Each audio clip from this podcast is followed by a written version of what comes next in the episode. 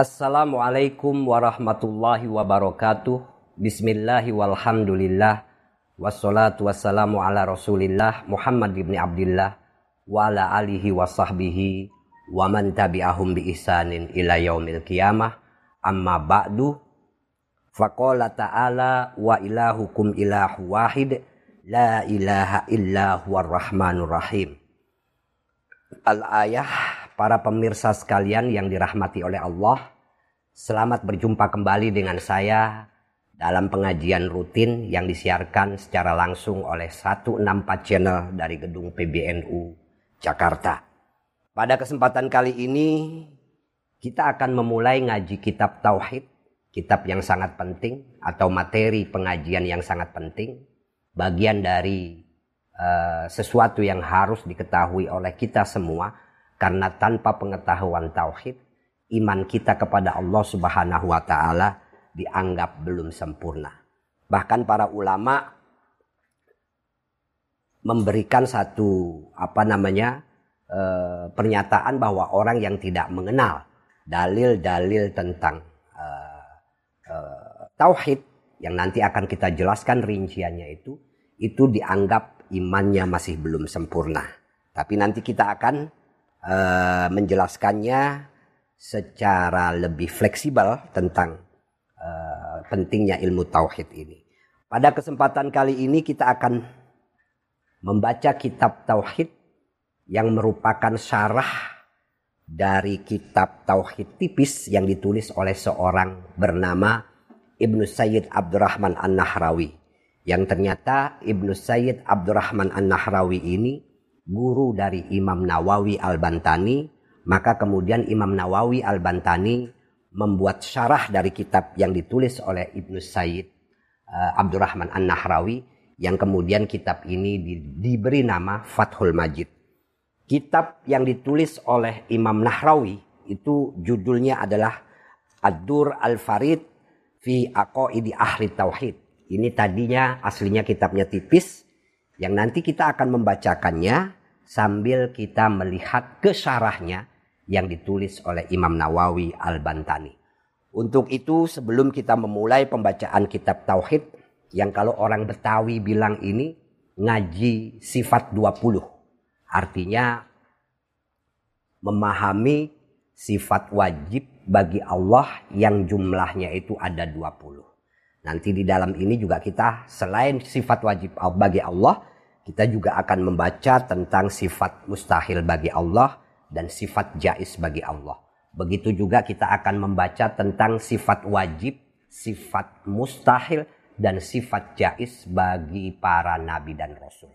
Untuk itu sebelum kita memulainya, mari sama-sama kita mengirimkan bacaan Al-Fatihah buat para penulis kitab ini, yaitu Imam Nahrawi dan Imam Nawawi Al-Bantani khususnya juga buat para ulama kita, para pendiri Nahdlatul Ulama, yang mudah-mudahan kita mendapatkan keberkahan dari apa yang kita lakukan pada uh, malam hari ini. Ala hadhihi niyah wa kulli niyatin sholihah. Al-Fatihah. A'udzu billahi minasyaitonir rajim. Bismillahirrahmanirrahim. Alhamdulillahirabbil Ar-Rahmanirrahim maliki yaumiddin. Iyyaka na'budu wa iyyaka nasta'in. Ihdinas siratal. Siratal ladzina an'amta 'alaihim ghairil maghdubi 'alaihim Baik para pemirsa sekalian, kita mulai. Bismillahirrahmanirrahim dengan menyebut nama Allah yang maha pengasih dan maha penyayang. Alhamdulillah segala puji bagi Allah al-wahid yang maha esa fi datihi baik dalam zatnya wasifatihi baik dalam sifat-sifatnya alladzi ba'asa di mana Allah yang mengutus sayyidana Muhammadin Nabi Muhammad sallallahu alaihi wasallam lil khalqi kepada seluruh makhluknya bitauhidi dengan ajaran tauhid yaitu ajaran keesaan Allah. Kita tahu memang uh, ajaran agama yang lain mungkin memiliki pandangan uh, tentang Allah, tentang Tuhan itu dengan berbagai konsep yang beragam. Tapi di dalam Islam ini kemudian para ulama menyusun satu konsep ketuhanan yang kemudian melahirkan satu disiplin ilmu yang namanya ilmu tauhid.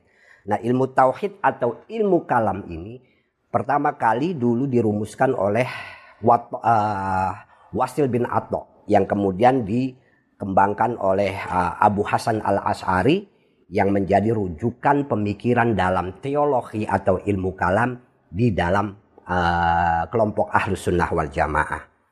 Kata Imam Nahrawi, segala puji bagi Allah yang telah uh, yang maha esa baik dalam zat dan sifatnya yang telah mengutus Nabi besar Muhammad Shallallahu Alaihi Wasallam lil khalqi kepada mah, eh, seluruh makhluk. Nah, ini oleh Imam Nawawi Al Bantani dijelaskan Nabi Muhammad itu diutus untuk seluruh makhluk.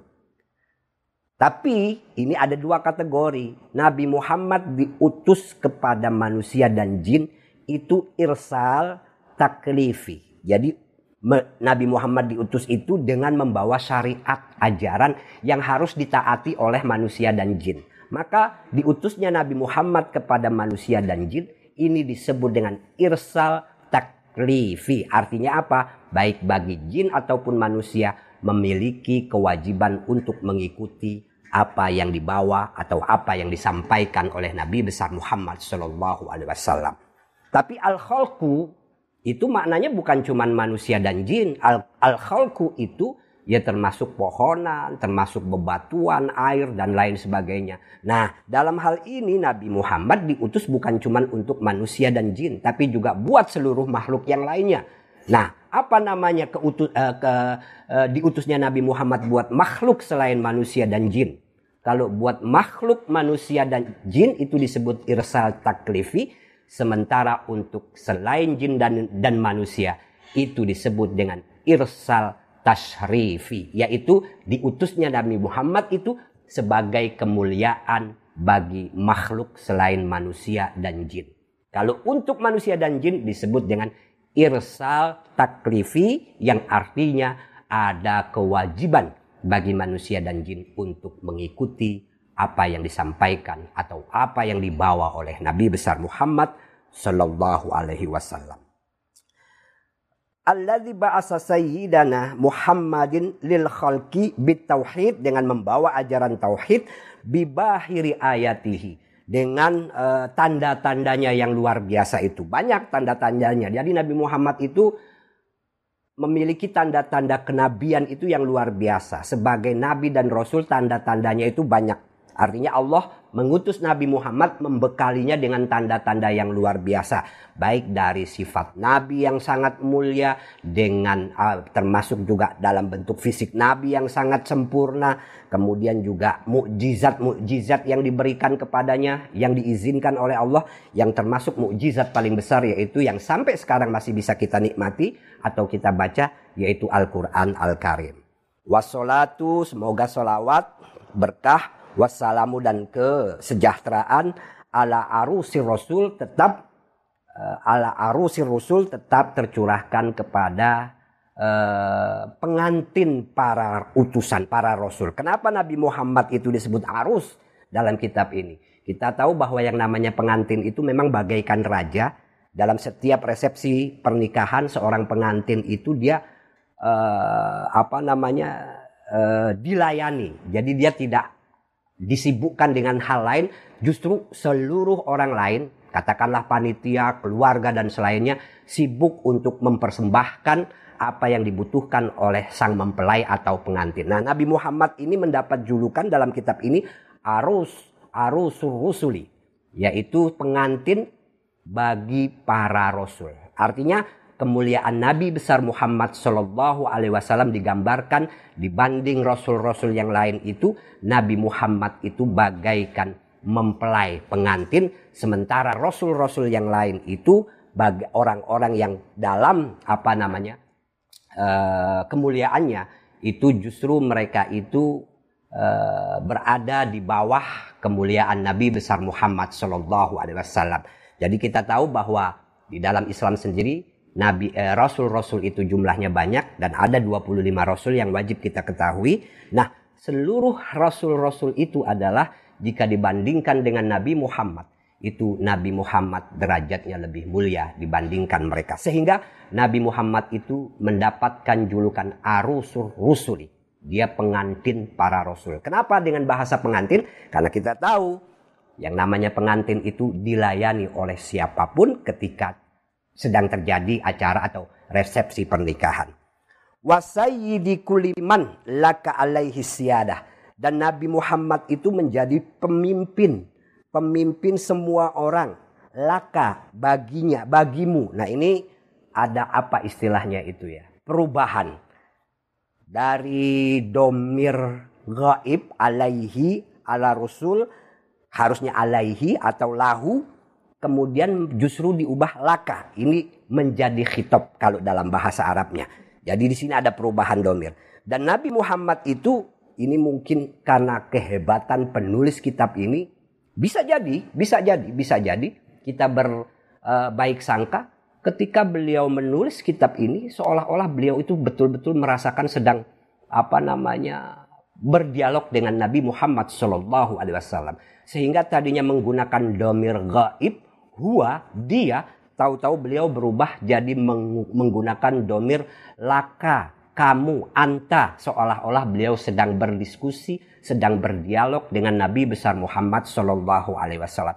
Bisa saja itu terjadi karena para ulama dulu memiliki kekuatan spiritual yang kita tahu uh, jauh di atas rata-rata kita semua. Apalagi mereka yang alim dan orang kalau sudah bisa menyusun kitab tauhid seperti yang akan kita baca ini, itu sudah bisa dapat dipastikan kealimannya. Maka dalam tradisi uh, pendidikan di pesantren yang berada di bawah naungan Nahdlatul Ulama, kitab tauhid atau belajar ilmu tauhid itu menjadi satu keniscayaan karena menjadi penopang iman. Karena di dalam ilmu tauhidlah dalil-dalil tentang keesaan Allah, keberadaan Allah, dan sifat-sifatnya itu dijelaskan secara rinci. Sehingga kita menjadi orang yang beriman, yang imannya itu kuat, imannya itu dapat dipertanggungjawabkan, dan imannya itu bukan iman seorang yang hanya ikut-ikutan. Nah. Wasayyidi kuliman laka alaihi siyadah. Dan Nabi Muhammad itu adalah tuan bagi seluruh makhluk, seluruh manusia yang memang uh, apa namanya uh, memiliki kekuasaan, memiliki kemuliaan. Jadi kalau ada orang mulia dari zaman dulu sampai sekarang, Nabi Muhammad adalah pemimpin orang-orang yang mulia. Wa ala alihi termasuk kepada solawat dan salam itu mudah-mudahan tercurahan kepada tercurahkan kepada keluarga Nabi besar Muhammad Shallallahu Alaihi Wasallam. Nah oleh oleh Imam Nawawi ini dijelaskan yang disebut dengan alihi keluarga Nabi itu maksudnya adalah orang-orang dari uh, keturunan Bani Hashim dan Bani Muthalib. Ini menurut madhab Imam Hanif, Han, apa, Imam Syafi'i. Sementara kalau menurut Imam Malik yang disebut dengan keluarga Nabi atau alihi itu adalah hanya orang-orang yang berasal dari Bani Hashim. Kita tahu Nabi Muhammad Shallallahu Alaihi Wasallam adalah Bani Hashim. Jadi tanda-tandanya oleh Imam Nawawi dijelaskan keluarga Nabi yang keturunan Bani Hashim dan Bani Muthalib ini adalah orang-orang yang tidak boleh menerima zakat. Jadi mereka itu yang mengaku keturunan Nabi, memiliki silsilah yang sambung kepada Nabi, terutama dari Bani Hashim dan Bani Muthalib, itu tidak boleh menerima zakat. Memakan uang zakat itu tidak boleh, katanya. Saking menjaga kemuliaan Nabi besar Muhammad Sallallahu Alaihi Wasallam.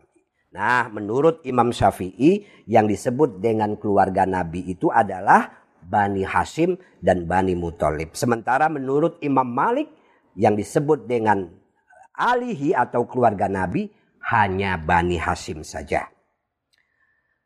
Wasohbihi dan juga kepada para sahabat Nabi yaitu orang-orang yang betul-betul bertemu dengan Nabi. Bertemu dan beriman kepada Nabi besar Muhammad Sallallahu Alaihi Wasallam tapi juga oleh Imam Syafi'i, eh, Imam Nawawi dijelaskan yang dimaksud sahabat Nabi secara uh, lebih luas itu bisa juga dipahami yaitu orang-orang yang beriman kepada Nabi besar Muhammad Sallallahu Alaihi Wasallam walaupun tidak bertemu dengan Nabi dan pada di, pada saatnya nanti di akhirat berada atau ber, uh, berbaris di bawah panji Nabi besar Muhammad Sallallahu Alaihi Wasallam. Wattabi'ina dan para pengikut sahabat watabi'ina lahum dan para pengikut sahabat. Jadi kita tahu di masa Nabi ada sahabat, kemudian setelah masa sahabat tabi'in yaitu orang-orang yang mengikuti para sahabat. Wattabi'ina lahum dan para pengikut sahabat juga fil husna dalam kebaikan waziyadah. Oh, apa yang dimaksud dengan kebaikan al husna itu? Yaitu mengikuti mereka untuk masuk ke dalam surga. Al husna itu maksudnya adalah surga karena mengikuti Nabi besar Muhammad Shallallahu Alaihi Wasallam waziyadah tambahan dari surga apa yaitu melihat Allah Subhanahu wa taala di akhirat nanti. Kaifiahnya bagaimana? Bagaimana nanti kita membayangkan itu? Kita melihat Allah Subhanahu wa taala ketika kita di surga. Wallahu a'lam. Sesuatu yang tidak bisa kita jelaskan karena memang tidak akan pernah mampu kita menjelaskan. Tapi yang jelas di dalam kitab ini kita berharap kita semua akan masuk surga dan juga mendapatkan nikmat tambahan selain masuk surga. Nah, nikmat tambahan itu dijelaskan oleh para ulama yaitu melihat Allah Subhanahu wa taala. Adakah manusia yang pernah melihat Allah? Ada. Siapa? Nabi Muhammad Shallallahu alaihi wasallam ketika Mi'raj di Sidratil Muntaha yang kemudian peristiwa pertemuan Nabi melihat Allah itu diabadikan dalam apa yang kita lakukan di setiap sholat wabil khusus uh, ketika kita tahiyat akhir itu dengan membaca uh, at-tahiyatul mubarakatus salawatu tayyibatulillah. Nabi Muhammad melihat Allah kemudian mengucapkan itu segala penghormatan, keagungan, kemuliaan hanya milik Allah Subhanahu wa taala itu. Jadi tidak bisa digambarkan bagaimana itu melihat Allah tidak bisa. Jadi kalau ada orang membayangkan bahwa melihat Allah seperti melihat bioskop, seperti melihat sosok yang luar biasa. Nggak bisa, kita tidak akan pernah bisa. Maka kalau ditanya bagaimana nanti kita melihat Allah, jawab yang paling tepat adalah Wallahu a'lam. Allah yang maha tahu. Tapi kita yakini bahwa selain masuk surga, kita semua ini insya Allah mudah-mudahan masuk surga akan mendapatkan nikmat tambahan yaitu melihat zat Allah Subhanahu wa taala. Itu yang dimaksud dengan waziyadah. Wa ba'du setelah itu semua basmalah, hamdalah, solawat dan salam. Fayakulu maka berkatalah siapa yang berkata kasirul masawi. Orang yang banyak dosanya. Al-fakiru li rahmatillah yang sangat membutuhkan rahmat Tuhannya. Siapa namanya? Ahmad Nahrawi. Jadi Imam Nahrawi ini menulis dirinya sendiri sebagai uh, kathirul masawi. Pengakuan bahwa dirinya ini penuh dengan dosa. Wa fakirun lirahmati rabbi. Dan orang yang sangat-sangat mengharapkan uh, rahmat Tuhannya. Ini luar biasa. Kerendahan hati beliau mengakui dirinya adalah orang yang penuh dosa. Jangan kayak orang-orang di zaman sekarang merasa paling suci. Kadang-kadang ada juga orang menyebut dirinya al-fakir sebagai orang yang sangat mengharapkan rahmat Tuhannya, tapi dalam perilaku sehari sehari-hari dia tidak menunjukkan uh, sesuai dengan apa yang ia katakan untuk dirinya sebagai al-fakir. Jadi kalau kita mendengar ada orang menyebut dirinya sebagai al-fakir, itu tidak otomatis bahwa dia itu adalah orang yang rendah hati. Karena itu bisa dilihat dalam kehidupan sehari-hari. Untuk apa kita itu menyebut diri kita al-fakir? Orang yang sangat membutuhkan rahmat Allah dengan maksud merendahkan hati kita, merendahkan diri kita. Tapi di sisi lain cara hidup kita itu tidak menunjukkan bahwa kita itu mengaku sebagai orang-orang yang membutuhkan rahmat dari Allah Subhanahu wa taala.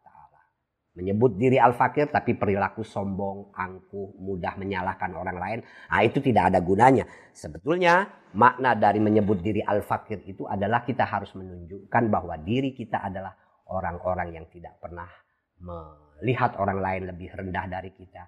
Kita tidak pernah melihat orang lain itu lebih hina dan lain sebagainya.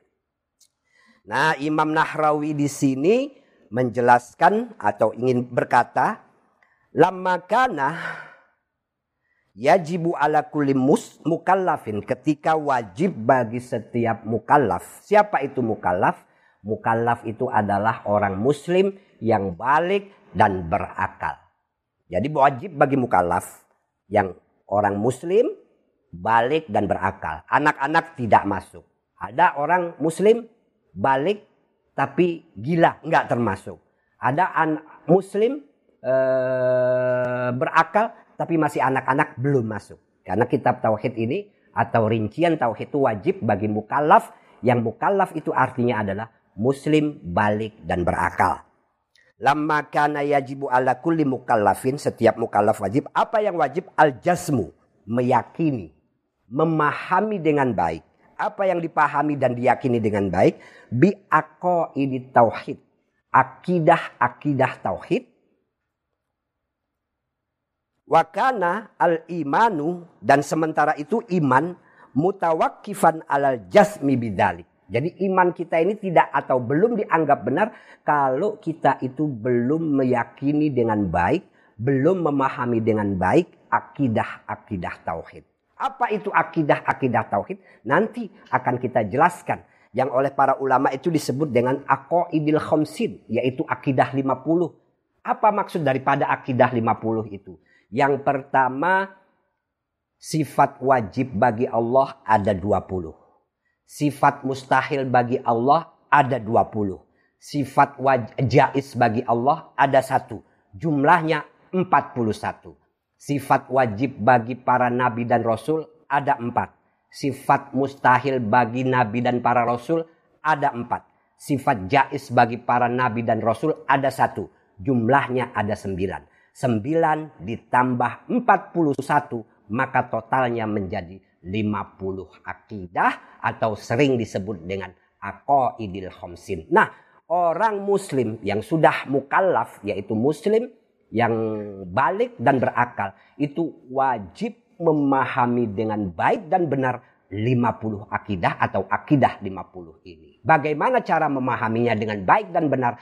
Ngaji kitab tauhid ini yang akan kita jelaskan perlahan-lahan setiap kila, setiap kali kita bertemu dalam kesempatan melalui channel uh, 164 channel ini. Nah, bahkan oleh Imam Nahrawi, iman kita itu tidak dianggap iman yang benar kalau kita belum belajar dengan baik apa yang dimaksud dengan aqaidil khamsin atau akidah 50 ini. Al imanu mukawa eh, wa, wa kana al iman iman it mutawakifan. Itu alal jasmi dia itu apa namanya mutawakifan itu artinya adalah iman kita itu tidak bisa dinilai baik atau benar sebelum kita itu meyakini memahami dengan baik bidalika dengan akidah tauhid itu tadi. Waman lam yajazim bidalika barang siapa yang tidak memahami akidah tauhid dengan baik dan benar fahuwa kafirun maka dia termasuk kafir. Wah, ini bahaya sekali. Tapi kita nanti akan ada penjelasan. Apa yang dimaksud kafir di sini? Yang dimaksud kafir di sini adalah orang yang tidak mau mempelajari akidah tauhid dengan baik dan benar. Nah, kata Imam Nawawi di dalam Fathul Majid ini dijelaskan ada dua tipe orang di dalam akidah tauhid, yaitu tipe mukallid, orang yang taklid dan ada juga tipe ya orang alim yang tahu tentang dalil-dalil ilmu tauhid itu secara rinci. Nah, sementara bagi Imam Nawawi kata Imam Nawawi orang yang awam, awam itu tidak perlu dia memahami dalil-dalil tauhid itu secara rinci. Nah, sementara bagi orang yang alim dan ini kewajiban atau fardu kifayah di dalam satu wilayah harus ada orang yang memahami dalil-dalil tauhid itu secara rinci bukan secara global. Apa bedanya antara rinci yang dan yang global? Kalau yang global itu contohnya orang awam tuh ditanya apakah Anda yakin Allah itu ada? Ada yakin. Bisakah Anda menjelaskan keberadaan Allah? Kadang sebagian orang awam itu bingung bagaimana cara menjelaskan bahwa membuktikan Allah itu ada. Gitu. Nah, orang yang alim itu harus bisa menjelaskan secara ilmiah dalil bahwa Allah itu ada. Nah, nanti akan kita jelaskan. Memang ngaji tauhid itu ngaji agak puyeng, jadi harus pelan-pelan. Nah, sementara orang awam Cukup umpamanya. Yakin gak Allah itu ada? Yakin. Tapi ketika dia diminta untuk menjelaskan, dia bingung. Nah, di dalam ilmu tauhid ini nanti kita akan menemukan penjelasan tentang adanya Allah itu justru dibangun menggunakan apa namanya logika. Karena wujudullah itu sesuatu yang sifatnya itu nadori atau teoritis berbeda dengan sesuatu yang bersifat faktual seperti benda-benda ini yang kalau kita ditanya tentang keberadaannya atau untuk membuktikan keberadaannya kita tinggal menyodorkan benda-benda. Pulpen ini ada gak? Ada. Mana buktinya? Kita tinggal sodorkan. Peci ini ada gak? Ada. Mana buktinya? Kita tinggal sodorkan peci ini. Tapi untuk membuktikan adanya Allah itu bagaimana? Nah itu akan dibangun menggunakan teori-teori filsafat yaitu yang sering kali dijelaskan dalam ilmu logika dengan uh, teori mukaddimah sugro, mukaddimah kubro yang kemudian melahirkan natijah. Premis minor, premis mayor yang kemudian melahirkan konklusi. Nah, orang awam mukallid atau orang yang taklid memang tidak perlu mem, mem, apa namanya menjel, mampu menjelaskan dalil keberadaan Allah secara rinci. Tapi kata Imam Nawawi wajib kifayah hukumnya kalau di satu wilayah itu ada orang yang mampu menjelaskan harus gitu loh wajib kifayah artinya kalau tidak katakanlah di satu RW satu ya satu RW umpamanya tidak satupun orang yang mampu menjelaskan ilmu tauhid dengan benar secara rinci maka semuanya orang itu ikut berdosa. Ini hukum fardu kifayah. Sama dengan mengurus jenazah yang meninggal. Kalau satu kampung itu tidak mengurus semua, maka seluruh orang di kampung itu berdosa. Tapi kalau di satu kampung itu sudah ada orang yang mengurus jenazah, maka seluruh kampung itu tidak mendapatkan dosa. Cukup itu yang disebut dengan fardu kifayah. Maka penting sekali bagi kita semua sebetulnya mengaji kitab tauhid ini, apalagi kalau kita mau kembali dasar hukum mengaji kitab tauhid itu, ya fardu kifayah harus ada orang yang bisa. Maka saya ingin meng, meng, meng, mengingat apa mengajak kita semua di majelis taklim majelis taklim itu jangan cuma baca kitab nasihat tapi adalah satu orang yang kita minta untuk membacakan kitab tauhid. Seperti kita kembali ke masa lalu, waktu saya masih kecil itu selalu kita itu sebelum pengajian bersama teman-teman tuh menghafal sifat wajib bagi Allah Subhanahu wa taala yang jumlahnya ada 20. Wujud, kidam, bako, mukhalafatul hawadisi, kiamuhu binafsihi, wahdaniyat, kudrat, irodat, ilmun, hayat, sama, basor, kalam, kodimun, muridun, hayun, samiun, basirun, mutakallimun. Yang jumlahnya ada 20. Sayang sekali jika anak-anak sekarang itu kita tidak kita didik dengan uh, ajaran ilmu tauhid yang baik dan benar. Karena dari ilmu tauhid inilah cara berpikir keagamaan kita itu akan terbangun dengan baik. Karena iman tanpa penjelasan ilmu tauhid itu bahkan di dalam kitab ini mutawakifan. Imannya itu belum bisa dinilai apakah baik atau benar. Artinya iman yang baik, iman yang kuat, iman yang rasional itu harus didasari oleh penjelasan ilmiah yang ada di dalam kitab tauhid ini. Faman lam ya fahuwa kafir. Wal iyadu billah kita berlindung kepada Allah Ta'ala yang maha tinggi dari ketidaktahuan kita terhadap akidah tauhid itu. Wakana minal awami dan ada sebagian orang awam itu man orang layatayakon yang tidak meyakini tilkal akoid artinya karena belum belajar akidah tauhid ada sebagian orang itu yang tidak paham tentang akidah tauhid. Kayaknya kalau di zaman sekarang banyak banget deh karena di majelis taklim saya sudah jarang sekali menemukan orang baca kitab tauhid ini. Maka penting sekali majelis taklim itu kembali menghidupkan pengajian-pengajian tauhid. Jadi jangan cuma pengajian-pengajian apa kitab-kitab nasihat tapi ini kitab tauhid ini juga penting supaya membentuk iman masyarakat itu menjadi iman yang kuat, iman yang rasional, iman yang betul-betul dapat dipertanggungjawabkan. Dan ingat, iman yang baik, iman yang benar itu pasti melahirkan manusia-manusia yang cara berpikirnya benar dalam memahami ajaran agama secara khusus dan secara umum dalam memahami kehidupan ini. Kita tahu rukun iman ada enam itu percaya pada Allah, pada malaikat, pada rasul, malaikat, kitab, kemudian kepada hari kiamat, dan terakhir percaya pada kodok dan kodar. Rukun iman yang enam ini, jika tidak didasari dengan kitab atau kajian tauhid atau akidah tauhid, orang hanya mampu mengucapkan di lisan saja. Tapi ketika diajak berpikir secara baik dan jernih, kalau tanpa mempelajari ilmu tauhid, mereka tidak akan mampu menjelaskannya secara baik dan benar. Jadi ada orang yang di kalangan orang awam tidak mengetahui tentang akidah tauhid. Maka dari itu kata Imam Nahrawi, jamak tuha, aku mengumpulkannya, menyusunnya akidah tauhid ini fi warokotin latifah dalam lembaran-lembaran kertas yang tipis ala wajhi sahlin dengan cara yang gampang insya Allah taala. Insya Allah itu akan disusun, bukan disusun, bukan akan, sudah disusun. Ini ketika beliau menulis ini, aku akan menyusun akidah tauhid yang jumlahnya 50 ini dalam lembaran-lembaran kertas yang tipis, kata Imam Nahrawi. Wasamai tuha dan aku memberi nama susunanku ini dengan apa? Adur al-Farid. Fi ini ahli tauhid. Menjadi satu kitab yang namanya Mutiara yang Indah yang menjelaskan tentang akidah ahli tauhid atau adur al-farid fi aqaidi ahli tauhid.